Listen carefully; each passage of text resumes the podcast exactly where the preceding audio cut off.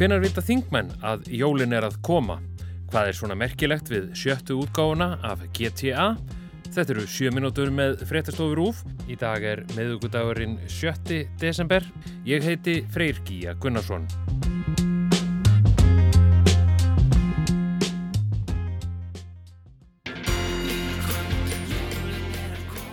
Þykir fyrir annað dagskamálið. Fjárlög. Önnur umræða um fjárlagafrumvarp ríkistjórnarinnar hófst í gær. Þegar Stefán Vagn Stefánsson, formaður fjárlaganemdar, kynnti breytingar sem nemdin vill gera á frumvarpinu. Fyrirlegu fósetti, ég mæli hér fyrir nefndaráliti meiri hluta. Það er komið að annari umræðu um, um fjárlagafrumvarpið, hörskuldur Kári Skram. Fjárlaganemnd er svona búin að skila sínu nefndaráliti. Það er nú alltaf svolítið forhaldið að sjá hverju það eru sem að hljóta náð fyrir augum nefndarinnar heldur betur og, og það til marsum það að jólinn síðan álgast þegar önnur umræða um fjárlega frumðaf ríkistjótarinnar hefst á alþingi, mikil spenna í gangi og áhugavert að sjá hvað kemur frá meiri hluta fjárlega nefndar og það hefur svo síðu skapast hér á landi við meðferð fjárlega að eftir að fyrstu umræða líkur þá fer frumvarpið til nefndar og þar eru menna fá til sín bref og alls konar símryggingar frá fólki út um allt sem er óska eftir auka stöðningi í einhver verkefni, í einhver félagsamtök og svo framvegs og svo framvegs. Þetta eru oft svona litlar upphæðir en þeim er laumað inn í breytingar til meiri hlutans á millir fyrst og annar umræðu og ég get nefnt að það er einhver, eitthvað sapn út á landi sem fær þrjár miljónir og svo einhver félagsamtök sem fá kannski einhvern styrka til þau eru að fara að halda einhvern viðbörði í sumar og svo framvegs og svo framvegs. Það er ekkert endilega þessir smáurar og höfum þessar smáura innan gæsalappa því að þetta skiptir auðvitað þessi, þessi söpn og þessa kirkjur og þessi samtök miklu máli að fá þessa peninga uh, sem að set, setja svipsin á nefndaráluti núna. Það er þessi óvísaði Grindavík sem að, að að nefndin nefnir alveg sérstaklega í sínu nefndaráliti. Veruleg óvisa er nú uppi vegna jarðhræringa á Reykjanesi. Bara liggur fyrir að það koma aukin útgjöld, uh, Ríkisöðu þarf að takast á við aukin útgjöld út af þessum hamförum sem við höfum séð þarna á Reykjaneskaga. Við vitum bara reynlega ekki núna hver kostnæðurinn verður og það er það sem menn eru svona að býða og, og vilja sjá og meta frekar og þess vegna mun þetta koma inn í semst, eftir annar umræða líkur þar sem áður en þriðja og síðasta umræða hefst og þá munu þessar upphæður vantarlega koma að einhverju leiti.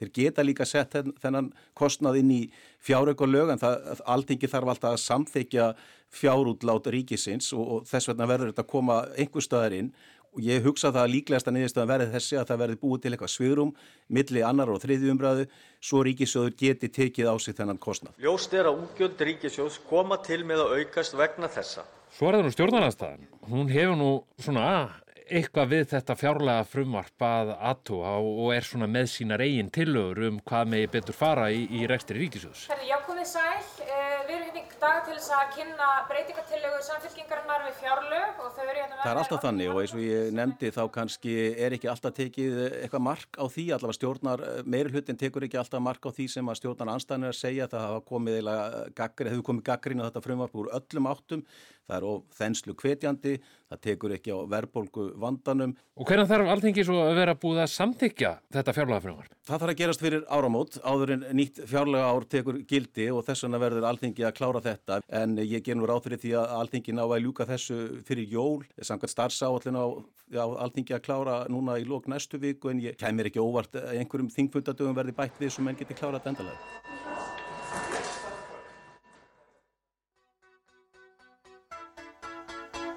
Lucia, do you know why you're here? Bad luck, I guess. Áhuga menn um tölvuleiki sátu límdir við skjáin í gær í nákvæmlega 90 sekundur þegar að stikla úr sjöttu útgáfu af Grand Theft Auto leitt dagsins ljós. Ólafur Þór Jóhilsson, uh, eh, frangatastjóri á Senu, hvað er svona merkilegt við þessa sjöttu útgáfu? Já, þetta er rauninni bara einhver stærsti viðburður í tölvuleikja heiminum í mjög langa tíma, held ég við þetta að segja. Og þessi markaði náttúrulega orðin núna stærri en kvikmynda framleiðsla og tónlistar geirin samanlagt. Þannig að það getur ímyndað einhver eh, spennuna þegar nýtt kemur frá þessum aðilum en hérna þetta eru svona bara, já, stæstu leikir þessi leikiserja sem hefur verið gerð. En breytir það einhverju að þessi kona sem er núna í aðaluturkið? Já, mér finnst það spennandi. Í gegnum tíðina hafa náttúrulega komið svona sterkar svona hvern personur eins og Lara Croft í Tomb Raider leikinum. I've come so far. Og mér finnst það bara flott hjá þeim að gera þetta. Þetta er svona vist Bonnie and Clyde söguþráður, hún er hætti í fangagalla í byrjun og, og fer með kærastanum á eitthvað, algjört glæpa hérna, eitthvað glæpa hérna ferð e, og er að, að fremja allsins glæpi með honum. Og, og, og þetta er svolítið þannig saga, þau eru svona eitthvað glæpa par sem er að vesanast þarna í, í þessari svona Miami borg sem heitir Vice City að þessu sinni. Þú segir að þetta er umfóksmikil framleiðsla Hversu umfáðsmikil, ef við bara miðumönda við sjómastætt?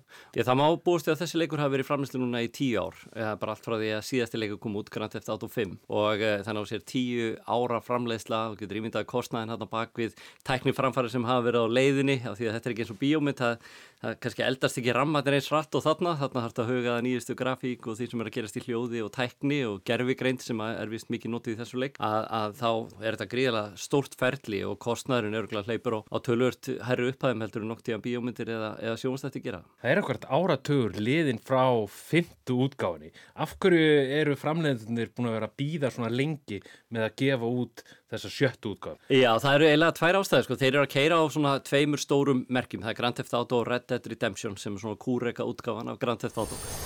Listen to me, we don't want to kill any of you og hún er, það er nú svona nokkur á síðan hún kom út en Grand Theft Auto 5 er hún semst búin að vera til í tíu ár búin að spanna þrjár tölvu leikja kynnslóðir eða semst Playstation 3, 4 og 5 sem er bara held ég aldrei gerst áður. Og leikurinn selst í yfir 190 miljónum eintaka sem er ótrúlega tala einn og sér en þarfur utan er online hluti leiksins mjög vinsæl og þar eru þeir bara að raka inn miljardum eða tögum miljardar bara í hverju mánuðu og árum.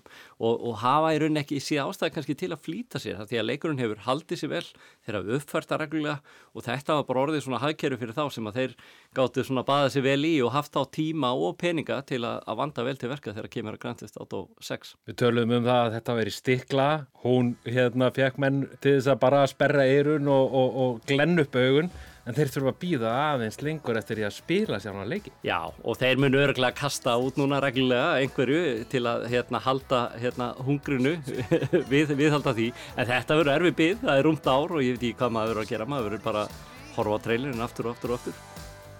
Þetta voru sjö mínútur með fréttastofu Rúf, næsti þáttur verður á föstudag, veriði sæl.